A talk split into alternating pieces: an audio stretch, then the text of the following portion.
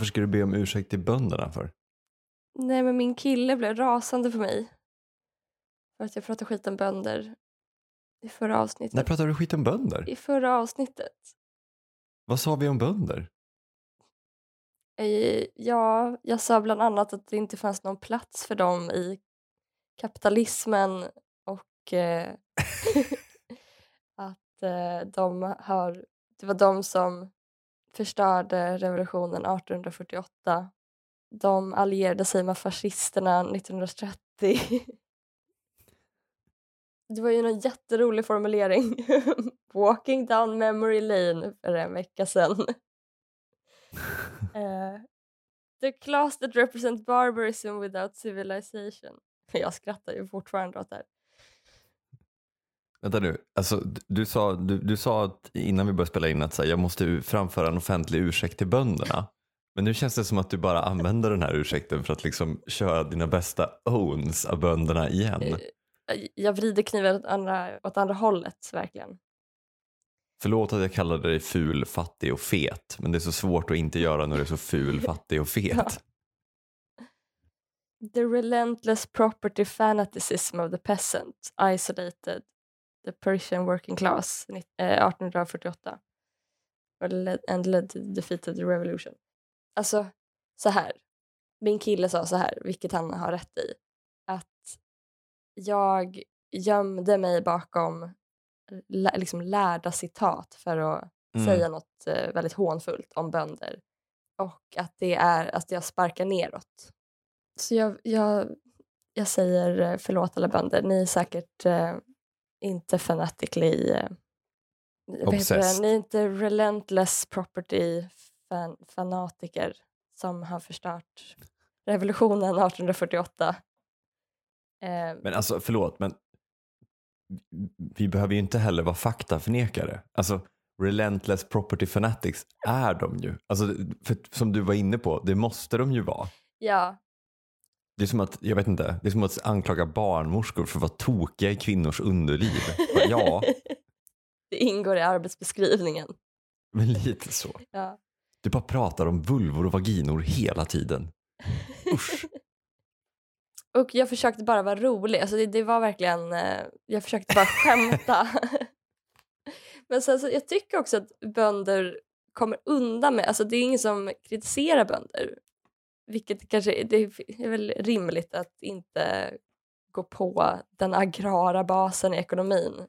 För att det kan sluta jävligt illa om man liksom får dem emot sig. Men, Ja, men det, det, är ju få, alltså, det är ju få samhällsklasser, just det, de är en samhällsklass, men det är, det är få grupper i samhället som man så ofta lyfter upp, lyfter upp som att så här, de vet det de behöver. mm, Alltså det är ju det är inte så, ja, men nu när det har varit lokförarstrejk till exempel. ja. Alla vi andra vet ju vad lokförarna, alltså vi kommer att säga de måste ha tågvärdar och så kommer alla andra att säga bara, nej de måste inte ha tågvärdar. Ja, just det. Ja, Det är ingen som och bara, ifrågasätter deras kompetens. Ja, men det är lite, för det, liksom, det finns någon urgrej i då när någon vill komma och säga åt bönderna bara, nej de får inte, jag vet inte, spruta diesel över åkrarna. Och så kommer folk och bara, nej men bönderna har alltid gjort det, de vet bäst. De bara kör, slickar på tummen och kör ner den i jorden och säger den kräver diesel. Mm, mm. Kom inte här och var EU, Precis. tryck på saker uppifrån. Nej men verkligen. Och då är det ändå så, precis som du säger, att bönder håller på med helt sinnessjuka saker som till exempel att använda glyfosat eller liksom i, eh, eller konstgödsel som verkligen förstör miljön och hälsa för människor. Det är inte schamaner direkt. Alltså de är ju... Stör dem inte i deras sång för jorden, annars får vi ingen skörd. Nej, precis. Nu kom det en gubbe här i leriga hängslebyxor och sa att han behövde två oskulder. Ja, ja, precis. ta mina döttrar. De håller inte på med, de gräver inte ner eh, gethuvuden i månsken direkt. Förutom i, eh, Ibland. i är det Gnesta eller? Nej, inte Gnesta. Är det hjärna du tänker på? Gärna, gärna. Ja. blanda ihop hjärna med gnesta. Men det gör väl all... Det gör väl... Alltså, Det jag, ligger jag tror väl typ nära, Linnea gjorde... Jag tror det. Jag tror typ Linnea blandade ihop dem alltså för literally två dagar sedan. Ja, okej. Mm. Det, det är så kul att det bara finns... att vi alla bara är överens om att ja, men där bor en liten sekt som riskerar att utrota eh, oss allihop genom att de håller på att återuppväcka mässlingen. ja, ja. Nej, men missförstå mig rätt i med att, att man konstant ger bönder den här att de skulle ha någon inneboende visdom som inte får ifrågasättas. Mm. Det ligger ju också någonting i det när man står på sin egen mark. Jag har ju också stått där. Typ vi tog ner träd sist jag var i stugan och då behövde jag tanka motorsågen väldigt ofta. Ja. Så jag hade bara med mig liksom motorsågsolja och bensin dit jag gick. Mm. Och jävlar vad jag spillde. Jag bara spillde bensin överallt. Och så kände jag, får inte jag göra som jag vill? ja, det är ju högst mänskligt. Men det är kul bara att vi, vi eh, att just för bönder, att det har blivit en sån, får inte de göra som de vill? För att Mm. Det är ju, jag tycker att det är en sak om det är då den här torpar, den här odlaren som bara har liksom en liten gård med några får och getter och höns och liksom, Mm. vilket typ mer är en svensk mellanchef idag. En svensk mellanchef är ju mer så som vi tänker oss en bonde, att de har en kolonilott och tre höns. Liksom. Mm. Medan de bönder vi pratar om när vi pratar om bönder, alltså det, det är ju liksom stor, för, alltså det är ju företagare Ja, ja. med liksom absolut. anställda Mm. och IT-system. Alltså vi har ju Dela, företaget Delaval som lever på att ta fram olika så här iPad-lösningar för att bönder ska kunna hantera sina liksom så 17 000 kor Mm. med hjälp av robotar. Mm. Alltså, Ja, men och som du berättade i ett annat avsnitt så, så utvecklade så har de en sån Wallace and Gromit-stämning att de har massa, men typ en hand kanske som kommer ut och rycker i en spene. Och, alltså en ja, robotarm. men det finns ju, det finns ju, de har ju Swinging Cowbrush ja. som finns en jättefin musikvideo till. Och så kommer, kommer korna och så blir de liksom klappade av den här borsten. Så blir de jättelyckliga. Mm. Och sen så går de in i ett bås och så skannas deras tagg. Och så får de så mycket mat de behöver. Deras eh, favoritmusik spelas. Och eh, sen så kommer 3D-skanning av dem som avgör vart deras liksom, juver är och så mjölkas de medan de får lyssna på musik och Ja. äta en bit mat. Nästa avsnitt kommer handla om, det kommer vara kritik mot korna, att de är så enkelspåriga och lättlurade. din, din dotter kommer komma när som helst. Ja, min dotter kommer komma snart. Och, och planen då för den här podden är väl att vi kör så långt det går Mm. och sen eh, kanske det blir en vikarie. Mm. Det, det kan ju bli så att det blir mindre regelbundna avsnitt. Eh, Men jag ska försöka hålla ställningarna. Det kommer, vara, det kommer inte vara roligt att se liksom, lyssna siffrorna när det uppdagas liksom att alltså vem det är som bär den här podden. Ja, fast nu är det än en gång, alltså, det är liksom bara kul med någon som trillar och pruttar om det först har stått någon i hög hatt och läst lagen. Ja, det måste vara den här eh, syntesen. bara trilla och prutta. Epic trilla och prutta compilation. Nej, Det är... Epic eh, ha en hög hatt compilation. jag i olika vinklar med min höga, höga hatt. Tillåt mig att välkomna till tusen saker och tillåt mig att välkomna till dagens första punkt. Punkt 118. Vad hade du för betyg? Gud, jag kan verkligen tänka mig att du och jag hade samma betyg. Mhm, Gud, gud, vad, gud vad spännande. Jag hade inte högsta betyg, Nej, men jag hade ganska bra betyg. Jag hade flera MVG, flera VG och några Mm. G, typ. Vad, du då? jag med. Ja. Alltså så jag, liksom jag visste det. att det var så. Vilken, ehm, vilken förväntad student du var. ja. Nej, men det- jag är så glad. Alltså, jag är så glad för den här, den här punkten har legat i listan och, och stirrat länge och sagt jag är inte så kul. Mm. Så döm om min glädje då Mm. när betyggate seglade upp till ytan. Mm. Då är det Handelshögskolan i Stockholm då som skriver i DN Debatt och beklagar sig. Att eh, allt för många skolor sätter allt för höga betyg. Vi kan inte längre lita på att det är rätt elever som kommer in på de mest eftertraktade utbildningarna. Rektor Lars Strannegård har sagt att man vill överge det nationella antagningssystemet och börja med eh, intagningsprov och istället införa ett eget system med rödflaggning av vissa skolor. Och eh, i den här debatten då så har det pekats ut några av de mest populära prestigeskolorna Mm. och ett gäng privata skolor. Kan inte uttala mig om det finns några kommunala där i, men förmodligen inte. Jag driver jäck här. Jag driver en tes med politisk utgångspunkt. So sue me. Nej, men, och då är ju liksom eh, diskussionerna bakom det då för den som har sovit en, under en sten. Varför, de, alltså varför vissa skolor sätter höga betyg är ju för att kunna locka med att om du går här så får du höga betyg. Och bland eh, föräldrar som jag känner har man ibland pratat om att man vill sätta barnen på en kommunal skola för att man vill att de ska få en riktig utbildning. Men man vill också inte att de ska få de rättvisa betygen för då kommer de inte komma in på en viktig, riktig utbildning efter det. Så att de kan välja mellan att gå på en friskola och inte få någon utbildning eller gå på en kommunal skola och få en utbildning men inte få betygen som krävs för att få en utbildning efter det. Mm.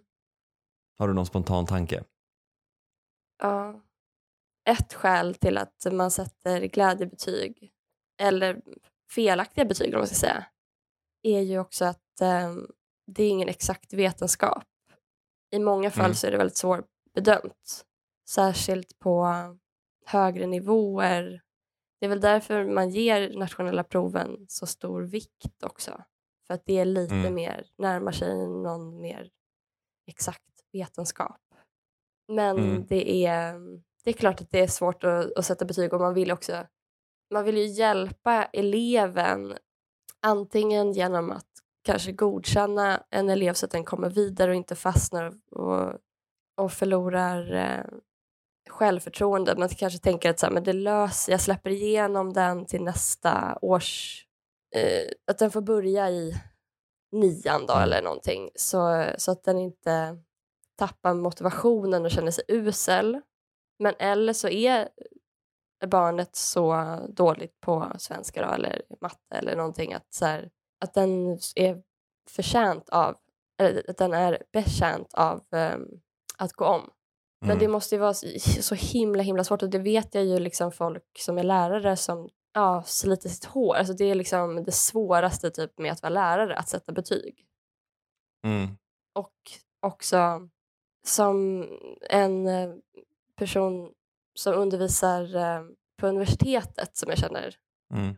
Det är jättesvåra kurser. Eh, om han skulle utgå från, alltså om han, när han rättar spontant så att säga, Mm. så blir alla typ underkända. Mm. Och då när han frågar sin professor, så här, men Mm. eh, hur ska vi göra, liksom, alla blir underkända. Då så Mm. säger bara den här professorn att liksom, ja nej men det går ju inte. Vi, du måste ge poäng även för liksom, kanske början till ett rätt svar. De har gjort rätt i den här, en del av uträkningen eller eh, de har visat att de har kanske förstått frågan eller liksom typ så här, ja, A men, for effort. ja, hitta poäng. Han liksom så här, du måste Åh, hitta Gud, poäng. Det är fruktansvärt. Ja. Betyget blir oundvikligen på något sätt relativt Mm. i förhållande till klassen. Och jag tror att det är liksom jättesvårt att undvika det för att det är klart att man ska försöka undvika det, att det ska vara en nationell eh, standard. Men faktum är att det inte riktigt är så. Men vad, vad glad jag blir att du tar upp, tar upp det. För det var, jag lyssnade på, en, på Godmorgon världen så pratade de om glädjebetygen. Mm. Och ja, som vanligt från, från, från vänstersidan då så är vi ju inne och bara men dumma dumma marknadsskolor, Mm. dumma dumma marknadslogik. Alltså om, om funktionsbeskrivningen på produkten du ska köpa är betyg så kommer ju alla säljare av den försöka maximera funktionsbeskrivningen. Mm. Och det, alltså så här, helt ärligt, jag kan tycka att det är en liten ensidig beskrivning av det. Um, men jag tycker ju inte att jag fick ingen bra eh, idéer från andra hållet heller. Nej. Där det var liksom, jaha, men betyg är myndighetsutövning. Det är faktiskt olagligt att sätta fel betyg. Ja. Ja. vad bra, då har vi ju etablerat det. Att det är ett lagbrott. Ja. Eh, vilket Alltså- känns i och för sig som en oerhört svensk lösning på det mesta. Att det är Mm. så, hej, det här systemet är helt orimligt och det blir jätte, jättefel. Mm. Och beskedet är, vi ser allvarligt på det här, det får inte bli fel. Mm, mm. Viktor Rydberg, eller är det privat? Ingen aning. Jag trodde det var en sås. De får skaka galler. Det kanske vore något för lärarfacken att göra, att man polisanmäler sig själv. Mm. Och så är det liksom två lärare som får skaka galler och blir någon slags, eh, blir någon form av liksom martyrer Mm. för att få stoppa det här. Nej men i grund och botten så handlar det väl om att införa, alltså för det första en, en sundare eh, antagning till skolorna och då, alltså jag är ju en varm anhängare, om vi nu pratar om de lägre skolorna, så är jag ju en varm anhängare av närhetsprincipen och Mm. kommunala skolor. Mm. Så, klart. Mm. Sen det relativa betygssystemet där du bara har en viss mängd, du har en normalfördelning att dela ut. Ehm, istället för att det ska finnas ett objektivt det bästa, ett objektivt det sämsta. Så för varje liksom, årskull som rullar igenom systemet så har du några förankringspunkter i toppen och några förankringspunkter i botten. Eh, och sen några däremellan. Mm. Sen vill man då dra debatten ännu längre så kan man också prata om att betygsinflationen också handlar om en naturlig räddningsaktion från Sveriges lärare mot ett allt hårdare samhälle.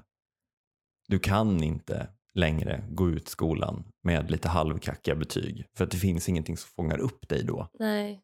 Ehm, och det här tog ju, det här var ju faktiskt vår skolminister Vem är det? Lotta Edholm. Hon är gammal styrelseledamot i för ett privatskoleföretag. Och aktieägare. Och ja, men det, det är basically vargen som har blivit anställd på Tre Grisarna AB.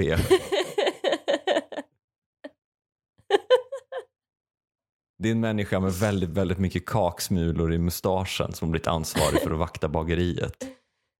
Hon kommer in liksom varje dag med så här en grå peruk och glasögon. Och... Precis, hon, hon röt ifrån i dagens samhälle och sa friskolorna måste skärpa sig. Ja, Bra sagt. perfekt politik. De håller ju för övrigt på med en, en eh, krislösning idag och det är att de släpper sin plan för att rulla tillbaka digitaliseringen. Mhm. De, de kastar den flaggan idag för att vi inte ska tänka på det här som precis har hänt. Ja. Men det ska vi inte gå på. Det tar vi i en annan podd. Ja.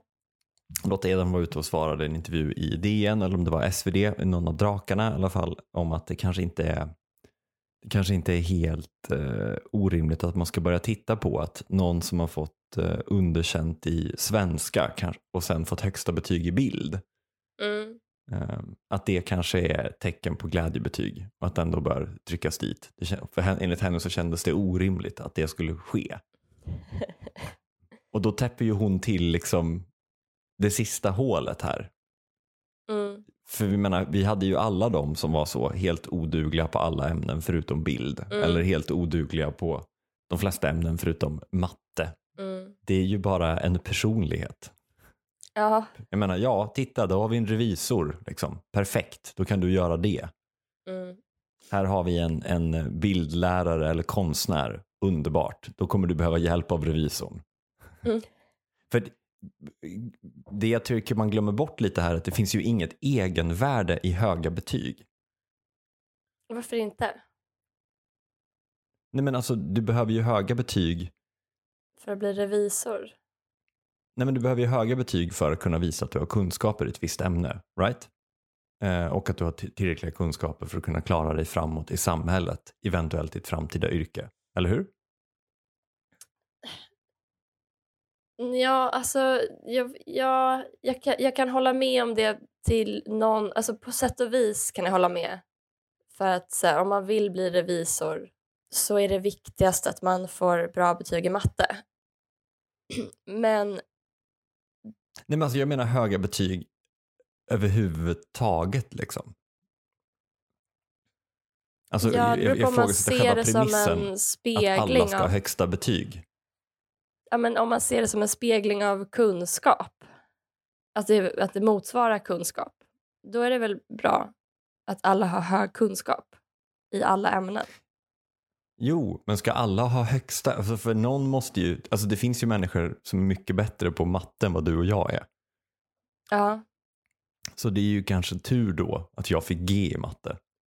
nej men absolut. Men jag tycker att alla ska vara lika bra på matte. Jo, och det tycker jag också, men det är vi ju inte. nej, nej, det håller jag med en om. konstig, då blir det en konstig premiss att liksom betygen ska vara, alltså för vad är då poängen med betygen? Om alla ska ha högsta betyg, då kan Mm. också alla ha lägsta betyg och då kan vi också lika gärna skita i betyg. Ja, Men om vi nu prompt ska ha betyg, då Mm. måste någon ha höga och någon ha låga. mm, är. Annars är det liksom ingen poäng med dem. Nej. Ehm, Men kan man inte tekniskt sett ha att, alltså att alla har högsta betyg i alla ämnen? För det är ju inte, det, egentligen är de inte relationella, alltså te, i teorin är de inte relationella väl? Utan de, man går efter en mall. Nej, nu är det väl något system där vi objektivt ska avgöra en människas värde person till person. Att det är så bara, är du bra eller dålig? Inte bara kla- klassa dig i en grupp liksom. Nej, Utan enligt objektiva sanna värden givna av Gud Mm, ska vi nu bestämma om du är bra kusin. eller dålig. Ja men du ser, din kusin, a.k.a. som... Gud. Ja, Det här, vi, både du och du och jag har ju olika åsikter. Jag, du är väl emot betyg överhuvudtaget, inte sant? jag vet inte. Okej, det finns de i vår rörelse som är emot betyg och jag är för betyg. Ja, Ehm, och jag vet inte hur man ska lösa det här. nej. Därför så blev jag så glad när jag såg att eh, Mattias Svensson, Mattias Neo, som man måste säga varje gång, Mm. skrev en ledare i SvD där han föreslog en lösning. Att bara ta bort betygssystemet Ja. och eh, ersätta dem med egna urvalskriterier. Kamrat Mattias. Eh, jag försökte läsa igenom hans rik men jag förstod inte riktigt exakt men jag tolkar det som att det bara får vara, alltså skolorna får hitta på själva liksom. Mm. Lite vad som helst. Mm. Och då skriver han Varierande urvalskriterier på varje skola skulle försvåra för överblick och planering för framtida studenter.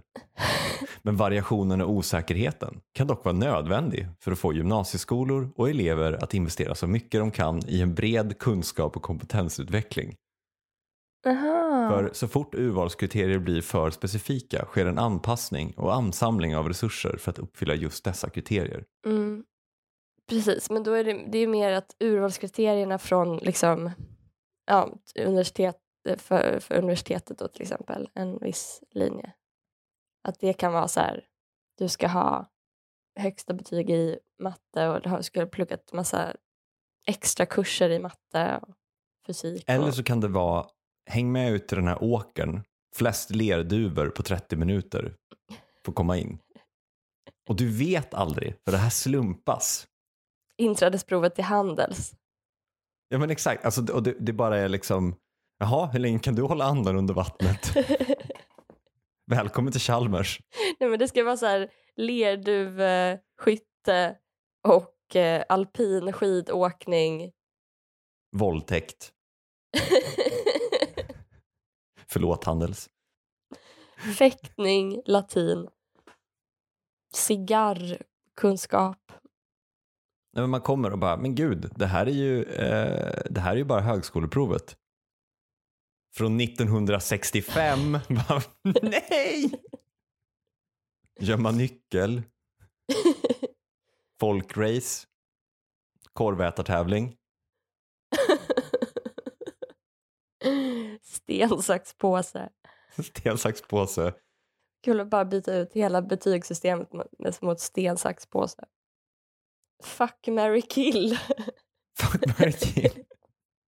Och det finns ett rätt svar. Arga leken, bryta arm, Arga leken. eh, Counter-Strike. Och, så liksom, och I och med att ingen vet så kommer alla elever i Sverige bara behöva vara förberedda på allt. Ja, då, det, då kommer vi alla bli renässansmänniskor. Ja, men så, jag, ja, jag vet inte. Då, jag tycker vi lägger det förslaget på bordet också.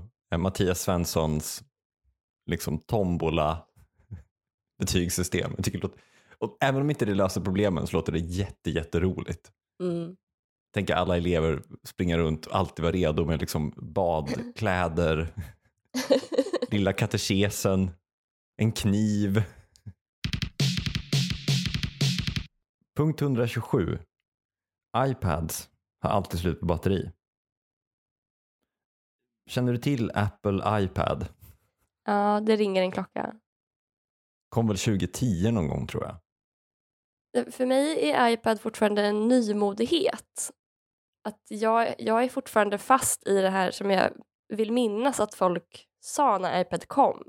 Att så här, varför skulle man vilja ha en mellanstor skärm? det, är så här, det är inte en dator och det är inte en mobil. Att man kunde inte komma på ett enda användningsområde för en iPad. Den beskrevs ju som just a beautiful piece of glass Mm, with your content on it.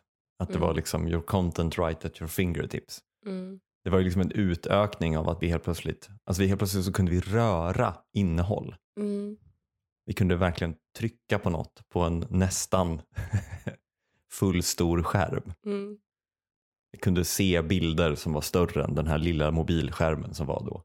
Och vi kunde rita med fingret. mm, Ehm, och den var ungefär lika stor som ett A4-papper, vilket är den objektivt bästa storleken mm, på allt. mm. Det började dyka upp, vet jag, på eh, Tumblr då. Att man började hänga ut dem som fotade saker med sin iPad. Som Mm. liksom gick på konsert och hade med sig sin iPad och höll upp den som kamera. För att de tyckte det var så bra kamera i iPaden. Ja. Och olika män gick och satte sig på kaféer med sina nyinköpta iPads i förhoppningen om att tech bros skulle komma och high-fivea dem. Mm. De kanske hade privatimporterat dem från USA innan de kom hit. Satt och kollade på ett bildspel. På de exempelbilderna som föll med. Blomma, landskap. Ja. Tech bros har nämligen inga bilder på något som de håller kärt. Ganska snabbt så började de leta sig in i utbildningen och bli liksom den här konkurrensfördelen som många skolor hade letat efter. För det var lite för dyrt att ge bort en fullstor laptop till eleverna. Mm. Vad fan skulle de ens med en fullstor laptop till? Mm. Men en iPad, det var ju en lärobok med världens alla böcker som du kunde ha snabbt i ryggsäcken. Mm. Och du kunde ta anteckningar på den. Och du kunde rita och lösa mattetal för den hade inbyggd kalkylator. Mm. Eh, Men du kunde också röra internet. vet jag också var en sån USP. Du kunde, de tog upp New York Times eh, och du kunde scrolla dig fram och liksom peta på den artikeln du ville ha. Och så täckte den hela skärmen som om du satt med en dagstidning. Mm. Och sen så kom Apple Pencil, eh, den mest avancerade skrivpennan Mm. För skärmar någonsin. Som hade nästan ingen latency. Det skulle nästan precis kännas som att skriva på riktigt papper. Vilket var otroligt, för så hade det inte varit innan när du skrev med digitala pennor. Och då kunde du skriva som om du skrev på papper på en enhet som också kunde klippa film helt plötsligt. Mm. Och vem som helst kunde nu bara se och touch your movies och flytta runt dem. Mm. Och sen så kom eh, Bionic Chip, tror jag det kallas. Eh, en speciell AI-motor in i iPaden. Så att du kunde liksom filma och fota. Du kunde ställa upp din iPad och låta den filma dig när du slår ett golfslag. Och så då direkt analyserade, den dina joints och hur din rörelse för att ge ett betyg på hur bra du slog just din golfsving. Mm. Och det blev sen Ehm. inträdesprovet till Handels. Um, Facetime tror jag kom också där någonstans. Så du kunde ringa folk med iPaden. Och eftersom iPaden var ungefär lika stor som ett ansikte så var det verkligen som om de var där med dig. Och skärmarna blev ju bättre och bättre. Och pixlarna så pass små att du nu inte ens kan se pixlarna på skärmen. Vilket Mm. också var en revolution. Speciellt i någonting som var så litet att du kunde ha det i handväskan. Mm. Plocka upp det och få syn på mormor när du vill. Liksom. Mm. Ehm, nej, sannoliken a beautiful piece of technology. Inte sant? Mm. Men vad vet jag om det eftersom de alltid har slut fucking batteri. Det går nämligen inte att stänga av en iPad. Du kan lägga den i någon slags viloläge där den låtsas som att den är avstängd. Men den är aldrig av. Vilket gör att när du behöver en iPad, vilket du inte gör varje dag, Nej. utan kanske så två gånger i månaden, då är den död.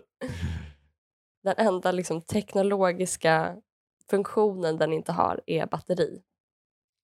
Den kan göra allt förutom att starta.